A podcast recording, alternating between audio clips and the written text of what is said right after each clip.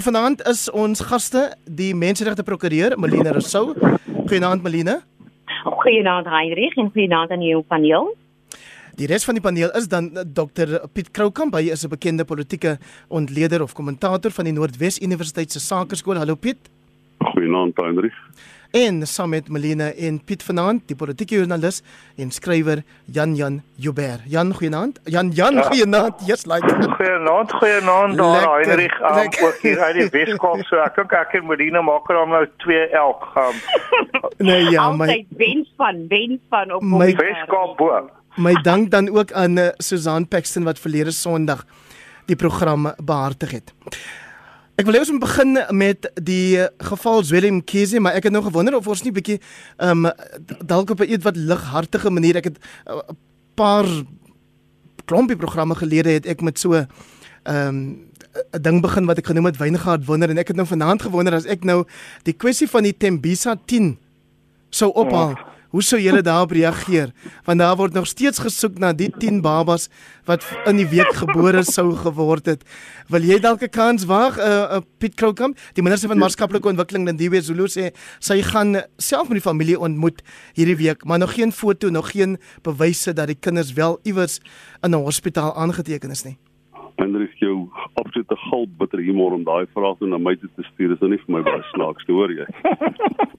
kom ons um, kom ons ja ek ek ek ek, ek, ek dink die ding is maar die babas bestaan waarskynlik nie. Ek dink dit het nooit gebeur nie. Ek vermoed 'n klomp mense word hulle neus rondgelei en uh, ek hoop ek is verkeerd want ek ek gaan enigiemand 10 kinders beslag solank dit net nie myself is nie maar ek ek ek vermoed dis maar een van daai goed en as Iqbal Survey in die independent media betrokke is en Piet Rampedi dan en dit is die jammerte nê ek dink iemand het dit ergens gesê in sosiale media dat wanneer ons eh, so na so eh, eh, 'n uh, berig kyk en ons twyfel oor die integriteit van die joernalis eerder as die integriteit van die storie dan het ons het ons probleme. Maar dis min of meer wat ek kan sê daaroor. Kom ons kom ons kry dan jou mening ook Jan Jan as 'n uh, joernalis. Wanneer so iets die media se integriteit bevraagteken word. Ons weet van independent media wat gereeld in die spervuur is, maar ons weet ook dat uh, daar die geval Sunday Times is waaroor Anton Haber 'n boek geskryf het en en jy weet van van berigte wat hulle gedra het en wat later bewys is um inligting was wat nie heeltemal met die waarheid gestrook het nie. Nee, heeltemal met die waarheid gestrook het nie. Um ja, dis lig gestel Heinrich. Um Ja, die geval Sunday Times is 'n storie vir 'n ander dag, maar wat hierdie huidige pogings van Pieter Ampedi in die Pretoria News om vir ons te vertel dat um hierdie arme vrou van Tembisa 10 kinders op een slag gehad het. Um al wat ek kan sê, um daar's 'n Afrikaanse vertaling van Hamlet deur uit te maak en as Hamlet sy pa se spook in die begrafplaas teekom dan sê hy, "Is jou bedoeling goed of kwaad? Jy kom in twyfelagtige gedagte." Um dis maar wat ek gedink het. Uh, Mameline is al een op hierdie program wat 10 kinders dalk moontlik kan hê, so ek weet nie wat sal haar siening daarvan wees nie. 'n nee, Mameline en 'n een kind hê nie, uh, Jan Jan, waarvan praat jy nog van 10? Ek kry vrou eintlik jammer. Jy weet ek is dankbaar vir sy wyse dat hy 'n miljoen rand gegee het.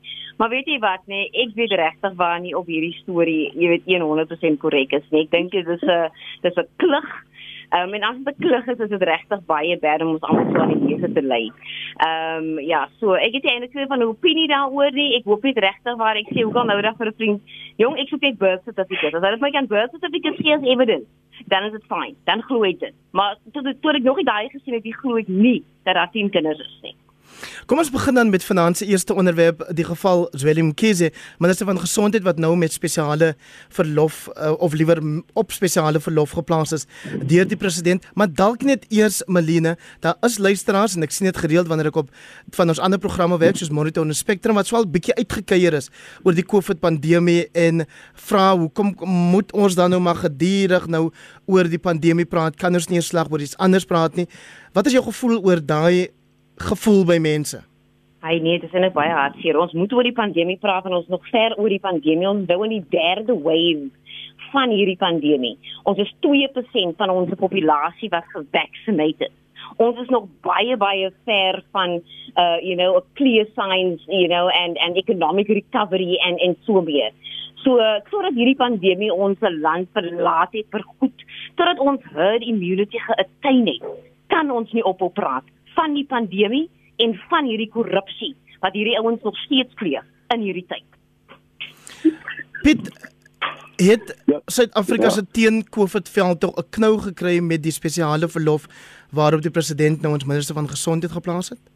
Nee, ek, ek kan nie besluit nie. Dis 'n goeie vraag in die sin dat ehm um, uh die minister word verantwoordelik gehou vir ten dele minstens saam met sy direkteur, direkteur-generaal vir die feit dat ons vandag nog nie behoorlik uh vaksines het in Suid-Afrika om te doen wat ons moet doen nie en uh daar's uh daar's algemeen dink ek konsensus dat uh, die wyse waarop ons dit uitrol problematies is en op 'n manier word dit voor die deur van die minister gelê. Nou nou is die minister van toerisme daar.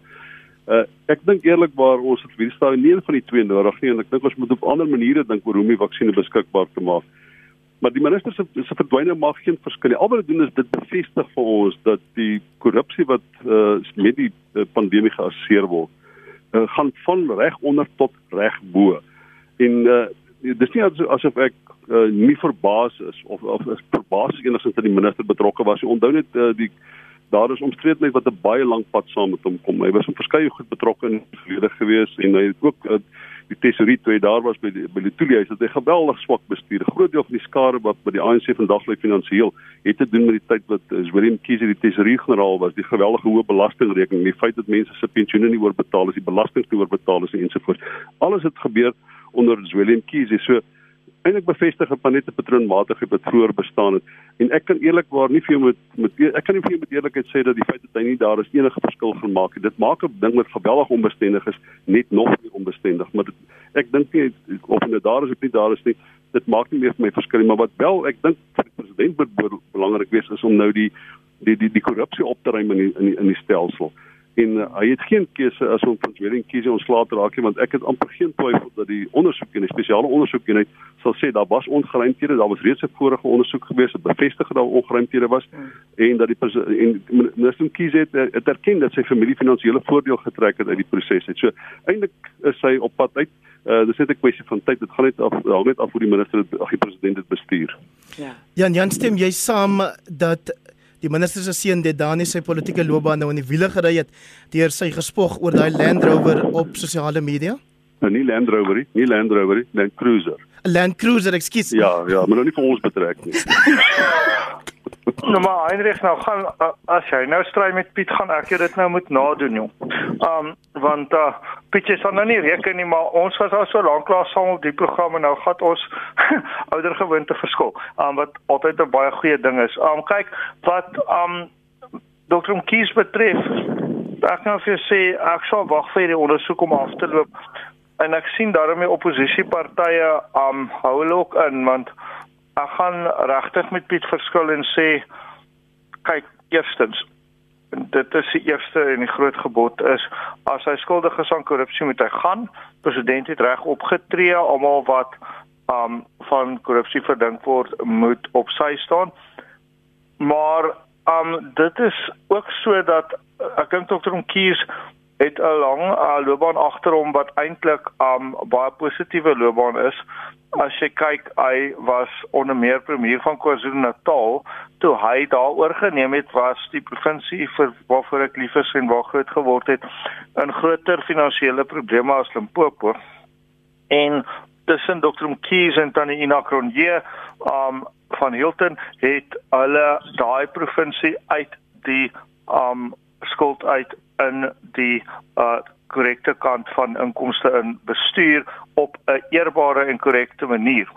Um voorts ek dink dat um hy het alles waar hierdie dinge toegegee in verband met sy seun en die familie en hy het gesê wat baie van ons wat in die onderwys staan en sekerlik of gestaan het en wat um miskien ook um daar kan ek nou nie self saam praat nie maar daarom is string peetkinders maar jy weet nie altyd wat jou kind doen nie reg?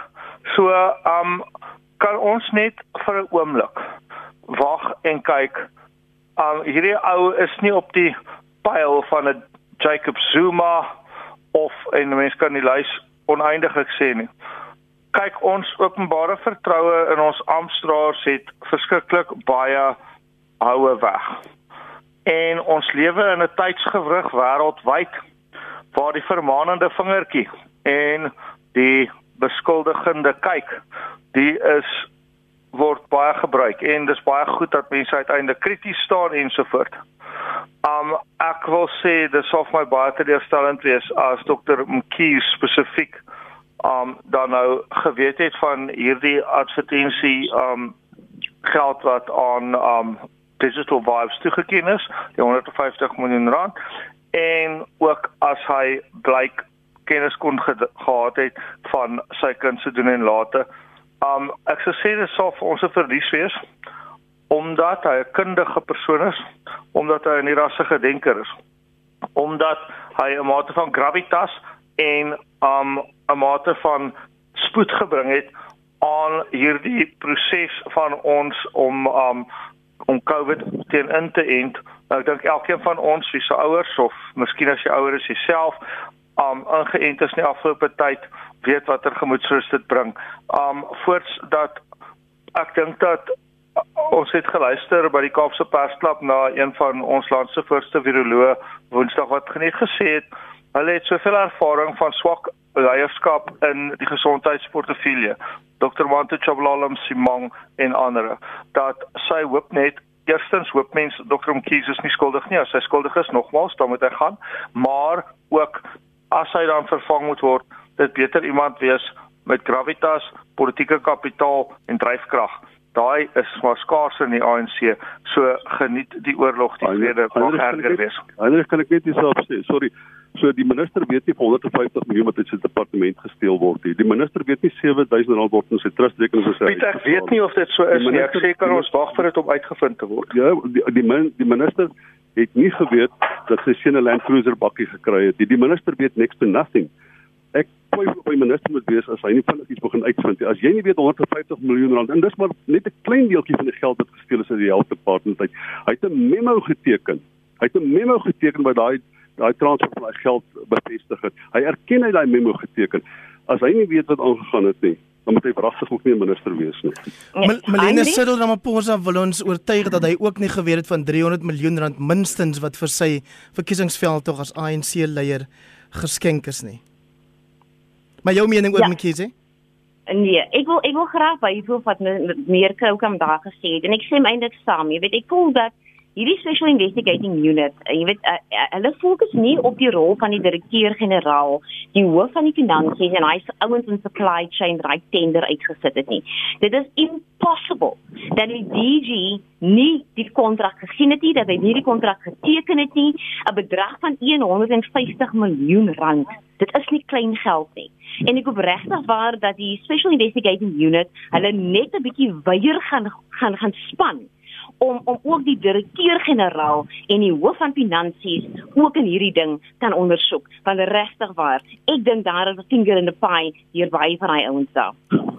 Jan Jan stuur ons hier af op 'n situasie waar jy aan die een kant sê familie van politici behoort nie met die staatsake te doen nie en ook nie mense wat voorheen gewerk het vir 'n minister behoort by sy departement kontrakte te kry nie. Ja, Heinrich, um eers net sê dat mense nie misverstaan nie. Um waar daar verkeerd gedoen is, moet daar dadelik teen opgetree word.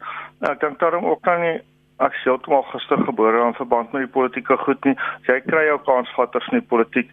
Is ook so Heinrich almal van ons wat al wat al miskien nou um al gaan daar ouer word. Jy weet jou vriende stel jou soms te leer jou familie ook ensovoort. So dit mag wees um nie dat dokter Mkhize familie of vriende van my is nie. Mense stel jou soms te leer. Ek sê net hang aan 'n tak, pas op, wie in glashuise woon. Hmm. Um maar om dan te praat oor familie en um en in en met die staat um jy weet uh, besigheid doen. Ek dink dit is 'n gevaarlike ding. Die punt is ook natuurlik waar trek jy die lyn nê? Nee? Want um dit is dis 'n grys gebied.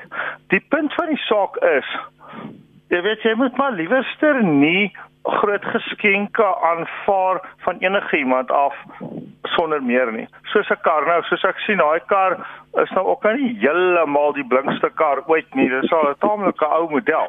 Maar as jy 'n persent ontvang en jy of jou familie is in 'n openbare posisie, dan dink ek moet jy baie versigtig wees en weet dat daar's geweldige risiko aan en ek dink dat um Dr. Mkies duidelik is teleurgestel in daai seun van hom en ek hoop die seun is teleurgestel homself. Maar ja, daar is maar 'n grys gebied en 'n mens moet versigtig trap. Ja. Dit klink vir my van 'n bietjie geblaas of agtergrond uh, geraas is op een van julle drie se lyne of dalk as jy hulle asemhaling net te na aan die mondstuk. Ja. Piet, maar 'n pleintjie vir ondersoekende journalistiek in ons land en in die geval Pieter Louw Meyburg. Ek presies, dis presies. Ek wou ek het nog gewag gegee my kans om dit te sê as ek moet glo uh, of ek 'n oordeel moet vel wie glo Pieter Louw Meyburg of Ysma Gesule of Willem Kiese uh, besluit jouself wie jy dink ek gaan vat. Natuurlik daar's daar geen twyfel. Pieter Louw Meyburg het 'n boek geskryf. Hy's nooit daaroor hof toe gevat nie. Uh niks is ooit verkeerd bewys nie. Hierdie keer het hy hierdie ding baie goed ondersoek. Uh hy het die bewyse daarvoor wat wat hom betref. Die minister het dit nie bespreek nie. Ek het nêrens gesien wat die minister gesê het nie. Daai 7000 rand, nee nee nee, dit het definitief nooit gebeur nie. Of nee, my seun het nooit die geld gekry nie. Hy erken daar's geld het oorgedra. So wat my betref is ek en we setting the bar really really low for politicians as ons hulle begin verskoon uh wanneer die die die die die die die bewyse so oorweldigend is. Ek weet daar is nie hofproses gewees nie, maar die minister het niks gedoen om die joernalis 'n goeie joernalis, 'n bekende joernalis, 'n joernalis wat ongelooflike goeie werk gedoen het wat nog nooit verkeerd bewys is nie. Die onus is op die minister om om om die argumente voer oor hoekom die joernalis verkeerd is en hy probeer dit nie eers nie. So, wat my betref, tot tyd en baie onskuldig bevind is, is daar goeie redes. Dit dis dis hoe dit gaan oor oor politisie in die openbaar. Dat hy het geen reg om onskuldig te wees tot hy skuldig bewys word. Dit geld in 'n hof. Dit geld nie wat openbare mening betref nie. So wat my betref met die openbare mening, Willem Kies het niks gedoen om te verontskuldig nie. Hy het geen bewyse tot die teendeel gelewer nie. Ek verkies om vir Pieter Louw Meyburg te glo in hierdie geval. Nou is dit so Melina dat die fokus 'n bietjie weggeskuif het amper meer na die minister toe eerder as ons groot probleem met die COVID-19 stof want nou dat die Amerikaanse agentskap vir medisyne goedkeuring die FDA gesê het daar's probleme met die Johnson & Johnson instowwe sit ons met 2 miljoen dosisse wat ons in elk geval nou nie meer sal kan gebruik nie. Ja nee beslis, jy weet maar, jy weet ek ek ek, ek luister nou vroeër na ons president uh, toe hy nou 'n uh, uh, terugvoering gee van die G7 summit, jy weet en uh, jy weet die positiewe nuus wat nou daar uitgekom het, jy weet dat uh, hierdie G7 lande nou at least aan vaksines aan ons gaan verskaf. Uh, so dis 'n baie positive sign, jy weet, uh, van een van die groot issues was hierdie, jy weet, access to equitable vaccines in uh, jy weet Suid-Afrika en baie ander Afrika lande het nie access tot die vaccines nie. So dit was iets wat baie positief uitgekom het uit daai uh, G7 summit uh, vandag en dan ook ons obviously die, die befondsing en die COVAX fund wat hulle vir ons ook mee gaan help. So ja, I mean ek, ek dink ons doen stadig die progressie is stadig en ek dink nie ons beweeg op 'n op 'n pad wat ons moet beweeg nie. Maar ehm um, jy weet jaar of twee seker sal ons maar vat om seker die vaksin te doen of of te bereik om almal te bereik, maar uh, ja. 'n Kommerwekkende situasie Jan Jan dat daar gehoop is dat ons onderwysers veral teen hierdie tyd ingeënt sou word en dit gaan nie binne dae gebeur nie. Nee, dit lyk nie so nie, nee. Um so um ja, jy weet ons sit nog gas nie die wêreld se goeie geluk aan ons kant met hierdie vaksines wat ons kry nie. Um as jy goed hier aankom aan of werk dit nie op ons variant nie of um iemand in Baltimore, Maryland gaan stort nie wanneer hulle moet stort nie en dan um kan ons dit goed hier gebruik nie. So ek het maar ook 'n mate van empatie. Maar vandag is ek die empatiese een tot die regering. Dis 'n nuwe rol. Um maar um wat Meline sê is ook waar en Meline jy gee jou ouderdom weg en dit beteken is minder as myne en Pietsen want jy gaan nog lank wag maar ek moet sê as jy net so eentjie aangaan as ek daarom al amper daar in Piet jy moet ook al amper klop aan die deur om om die, om die goeders te kry. Maar dit lyk nou daar's nie goed nie. Stadig Jan Jan, stadig net. Ag, dit lyk nie dit, dit lyk nie dit lyk nie dit lyk nie so lekker. Um dink ek vir die mense wat nou wat nou ouer is as jy Piet en en en selfs as ek nie um wat nou reeds hulle eerste um hou weg het nie. Ek dink aan Tim Du Plessis en daai wonderlike artikel wat hy geskryf het oor hoe hy um dit daar in Hielbra gaan kry. Maar die punt is al met 'n tweede toekenning uh toewysing kom en um ek wonder net hoe gaan ons nou by al die dinge uitkom as die goed daar in Kebega of um Port Elizabeth of wie dit ook al wil noem lê en um oud word of um self siek is van die mense in Baltimore wat nou die verkeerde um sanitasie um maniere gevolg het. Intussen lyk dit Piet asof nie almal van ons behoorlik aandag gee aan die protokolle nie. Dat lyk my daar dalk 'n verslapping ingetree in hoe paraat ons is. As jy 'n verhaal hoor soos die van 'n bustoer na Namibië uit Kaapstad uit en dan keer 37 van die mense positief terug en 6 het dood gegaan. Ja, ek dink die, uh, die mense moes almal 'n sertifikaat ingehandig het wat gesê het dat hulle getoets is en dat hulle COVID-vry is. So ek dink wat hulle probeer as 'n tipe van inkubasie ruimte probeer skep, 'n veilige een. En ek neem aan hulle daardie mense dan soos hulle nou reis het, het soort van geïsoleer en veiligheidsmaatreëls getref en almal het maskers gedra en hulle het apart geëet en maar erns moes die ding skeef geloop het met iemand se sertifikaat of se toetsing aan die binnekant. Mens weet nie, ek spekuleer net. Maar uh, uh, dit is net maar so dat ongelukkig is dit gewone mense. Ek stap vandag hier in Swellendam in die straat te te loop. Ek is ook is nie ook in die Weskaap. Ek voel my fisies sleg dat ek nou hier moet wees. Jy is daar naby my tuisdorp so dit dit tel vir wegsteek maar nou sien ek maar ek sien hier in Swellendam stap ek in die straat en daar seker eh, elke 4de 50% moet bystap dra nie 'n masker nie. Party praat hard en brul op mekaar. So jy moet onthou hierdie hierdie hierdie hierdie pandemie is nou meer as 'n jaar met ons. Daar's wat hulle weet ek dink almal verwys na die fatigue wat besig is om pos te vat. Mense kan net so lank ingekerker word en dis eintlik maar wat in in effek gebeur. Jy word psigologies ingekerker vir 'n lang termyn. Al kan jy op die straat kom en jy kan werk toe gaan, jy kan jou werk doen.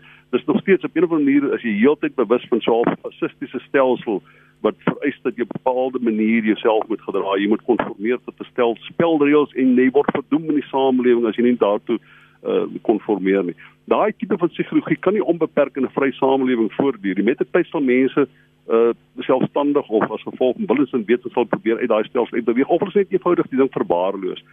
En dis die groot gevaar as jy 'n derde wave kry. Wat is 'n wat is 'n wave kan kry? Golf kry. Wat wat derde golf kry en mense ly in daai vorm van fatigue uh, daai verlangsaming in hulle geestesingesteldheid om een om weerstand te bied daarteen. En as ons 'n vierde en 'n vyfde wave kry, as dit so aangaan gaan ons definitief nie volgende hierdie tyd nog uh, almal ingeënt wees. Gaan ons 'n vierde en 'n vyfde wave kry, dan moet jy sien hoe gaan mense sukkel om te konformeer tot 'n bepaalde uh, regime wat almal 'n vorm van veiligheid bied. Dit gaan al hoe moeiliker raak. Uh, hoe vinniger ons mekaar ingeënt kry, hoe beter gaan dit met ons gaan.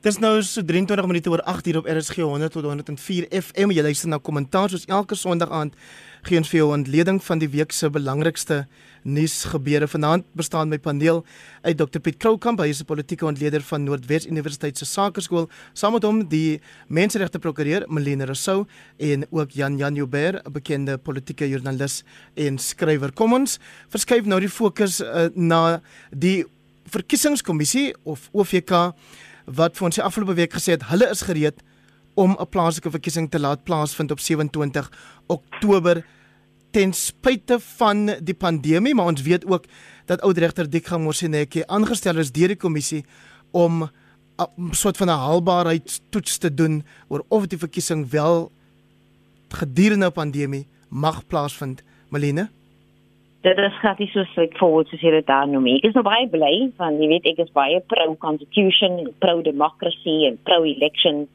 Ek is bly ons gaan voort met die elections, maar dit is gat nie so straightforward nie. Jy weet, wat die OVK aan ehm um, regter ons netjie gevra het, die opdrag wat hulle daai band gegee het was om 'n verslag op te stel om te sê uh oor vrye en regverdige plaaslike re regering uh, verkiesing gedurende die COVID-19 pandemie. En hulle was baie spesifiek oor die tipe goed wat hy moet ehm um, jy weet aan raad aan bevelings wat hy moet doen. Ehm um, en die twee aspekte wat hulle van gesê het is hy moet praat oor die uitdagings wat COVID-19 gaan bring en die maatreëls uh weet wat wat in plek gestel moet word om die verspreiding te beperk gedurende verkiesing en dan die tweede wat baie belangrik is, addisionele maatreëls wat die OWK moet implementeer om te verseker dat vrye en regverdige verkiesings sal ehm um, gehou kan word in die konteks van die pandemie. Nou kom ek sê vir jou, né? Nee? Dit is baie maklik om te sê ja, ons gaan stem op die 27ste Oktober. Ek dink dit is die datum. 27. Maar die probleem is hierso die verkiesing moet vry en regverdig wees. Dis iets wat ons opgemaak het nie. Dis in die grondwet. Daar's twee hofsaake in wat wat die constitutional court op beslis het wat hulle weet in een sê hulle dat eh uh, jy weet daar's 'n interkonnektiwiteit tussen die reg om te stem aan die een kant en die reg om te stem in 'n vrye en regverdige verkiesing. Daar it, it, it, it's connected to each other.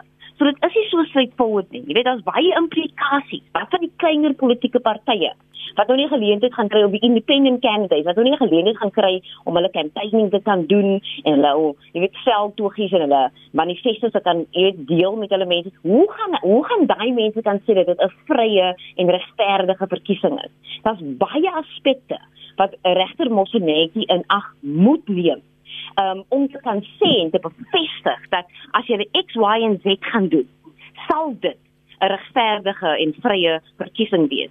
As dit nie gaan gebeur nie, Heinrich, gaan ek jou beloof, daar gaan hofsaake wees na die elections van politieke partye en independent candidates gaan sê dat hulle nie 'n geleentheid gekry het om te participate in 'n free and fair elections nie. Dit is glad nie so straightforward soos mense dit maak nie. Piet ek sien daar is al DA plakate op die lamppale wat mense aanmoedig om te registreer. Ek sien nog nie veel van ander partye nie. Ja, ek dink die die, die proses ons is almal so vasgevang in die pandemie en ander dinge in die uh, sukkelende ekonomie dat dit dit uh, ek dink die fokus is nou nog nie by die verkiesings en die verkiesings is dan nog 'n hele paar maande weg. Uh, en en, sy het vir my die ding baie baie mooi opgesom. Ek stem 100% saam. Ek dink een van die goed wat uh, die ging mos so netjie moes na gekyk het was die feit dat op 'n stadium verval die bestaande raadslede se termyn. Dan is daar dan mag hulle dan is hulle nie meer raadslede nie. So hoe vervang jy hulle as jy nie 'n verkiesing hou nie? Dan is daar niemand en daar's geen raadslede wat ook ongrondwetlik sal wees as daar geen raadslede is na uh, na na bepaalde uh, groep raadslede se se termyn vervang het. Maar jy jy sal sien met die laaste uh, klompie plaaslike regeringsverkiesings wat ons gehou het, dis 2 3 3 batches dink ek Jan Jan weet altyd die goed beter as ons almal. 3 batches het ons gehou dink ek en die stempersentasie was laag. Ek dink dit was hier rondom 30% in bepaalde areas in die 20%. Dit nou stel jy nou voor as jy nou uh, sê maar 27 Oktober verkiesing hou en ons is nog midde die volgende vlaag van die pandemie. Hoeveel mense sal nou vry sal voel vry voel om te gaan stem?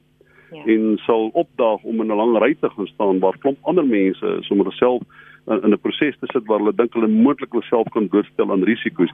Dan kan jy weer 'n laaste persentasie waarskynlik kry. Uh, onthou plaaslike regeringsverkiesings het altyd 'n laaste persentasie as nasionale verkiesings. Nou kry jy nog 'n laer uh, stempersentasie. Klomp mense voel nie vry om te gaan stem nie. Baie kandidaate voel hulle het nie die geleentheid gehad om hulle self behoorlik te bemark nie. En dan kry jy nou al lande van hierdie noem dit nou maar uh uh conspiracy theories wat rondgaan oor oor wat gaan gebeur. Jy weet mos die Afrikaner mans is nou so behep geraak met die met Ivermectin.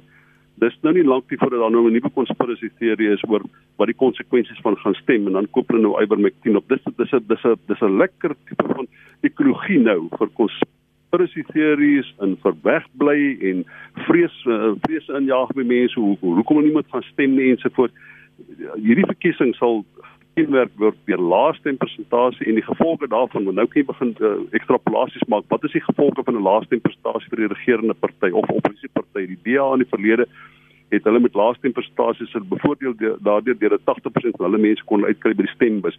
Maar nou sien ons dat dit Afrikaanse mans wat histories vir die DA gestem het, wat Ivermectin gebruik en waarskynlik nie gaan stem nie omdat hulle bang is vir die konsekwensies van gaan stem. Al hierdie konspirasie teorieë kan nou in die, uiteindelik in die syfers van van van van die verkiesing en die data uiteindelik gereflekteer word. Hier gaan 'n baie baie interessante verskynsel word wat niks te doen het met hoe nou verkiesings normaalweg verloop nie. Die implikasies Jan Jan vir kleiner sogenaamde kleiner partye en onafhanklike kandidate? Ja, um, ek het al baie moeite gedoen met die goed want um Pieter sê of ek nou sou sê of ek veel verstaan van van tussenverkiesings nie maar maar ek stel verskriklik belang daarin. En um my verstaan van die OVK se redes um en dit word nou nie ligheid gegryp nie. Uh hoekom hulle vir die gang ons 'n netjie aangestel het sluit aan by Piet en by Melina se punte, maar miskien gee dit tog antwoorde op van die vrae minstens in die denkprosesse van die OVK. Um en dan kan mense nou maar self besluit of die OVK nou al bulkend van die Ivermectin um foute maak of nie. Um en dit is as volg dat um die OVK eerstens kragtens die grondwet en die tersaaklike regulasies en wette is die enigste mense wat die verkiesing eintlik kan uitstel of moet reël en vir die vryheid en regverdigheid waarop Meline gewys het wat in die grondwet en deur die grondwet of vereis word kan pa staan of nie. Met ander woorde dit was hulle verantwoordelikheid. Die regering se rol daarin is maar eintlik administratief en so. So met dit in gedagte het die OVK gaan sit en baie realisties gaan kyk. En as jy kyk na die huidige 5 OVK kommissarisse kom 'n klomp van hulle uit uh, of 'n paar van hulle dan uit praktiese OVK um agtergrond so hulle weet hoe 'n verkiesing kan prakties werk en waar prakties kan kortkom en hier is die baie praktiese punt. Hulle het aanvaar dat wie ook al hierdie verkiesing gaan verloor, of dit nou onafhanklike kleiner partye of wie ook al is, die gaan hof toe gaan en sê was nie vry en regverdig nie vir die redes wat Meline genoem het. Toe het hulle gaan dink nou goed, wat maak jy nou?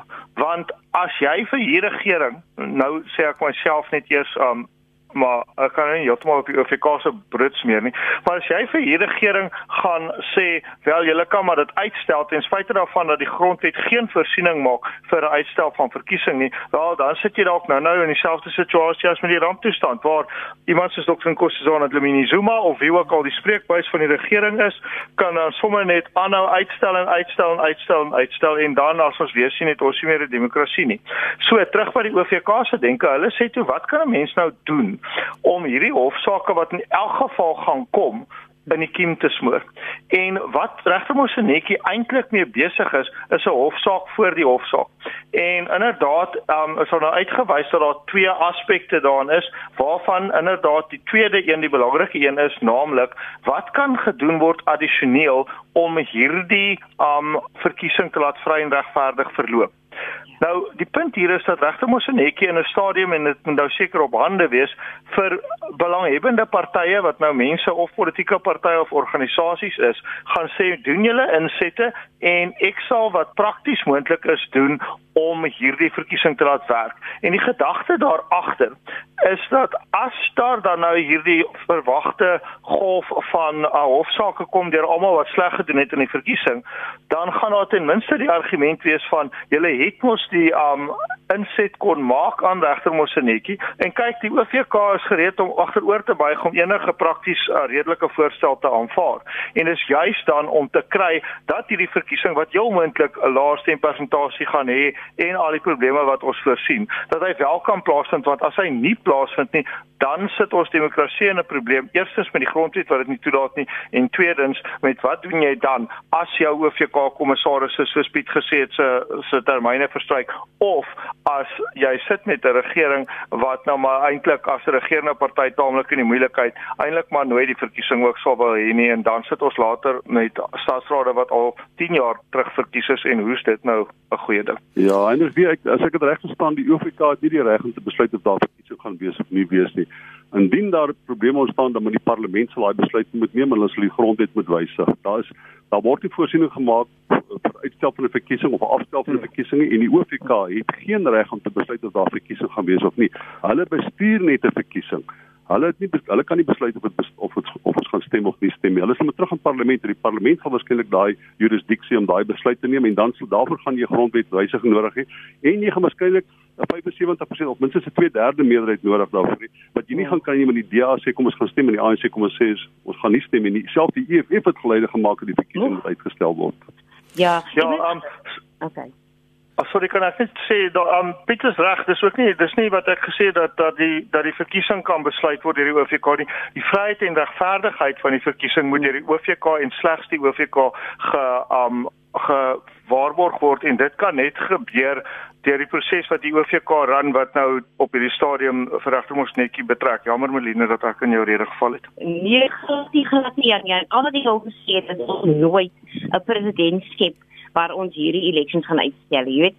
Hmm. Die trust tussen die mens en die government is nou so gebroke al. Jy weet, jy gee van die pinkie, dan ruk hy die hele arm af. Of vir oor 3, 4 jaar dan stel die national elections ook uit vir een of ander, hmm. jy weet, flimsy rede.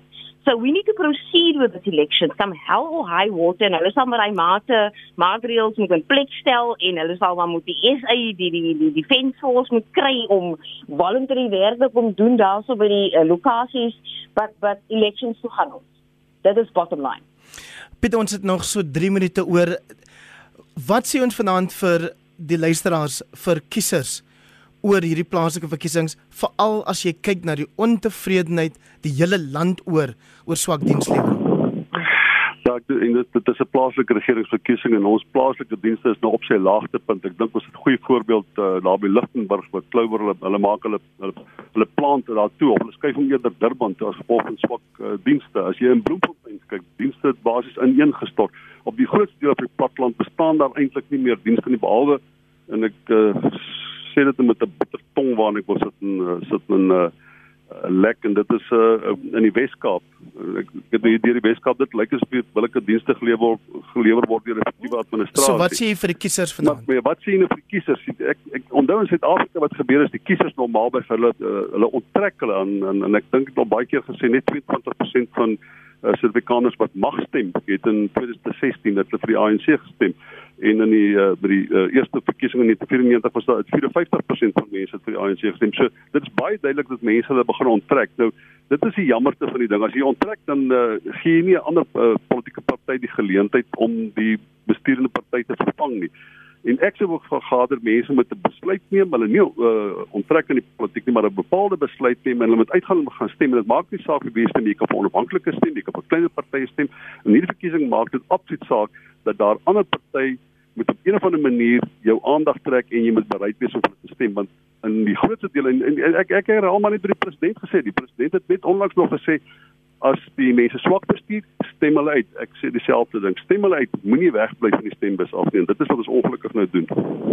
Jan Jan Ja, ek stem saam met Piet in dat ons moet positief betrokke bly by die politiek. Ek wonder wat doen mense as daar geen partye is wat tot jou spreek nie. Um dit dit uitdaging, maar um wanneer dit dan gebeur, sorg dat dit 'n kritiese um opinie is maar nie 'n negatiewe een nie. Um ek stem saam met Piet dat die grootste gevaar is as jy jouself onttrek en half 'n uh, hoe sal ek sê onproduktiewe bydraer word. Um ons moet ons land te lief hê om die politiek aan ander mense oor te laat.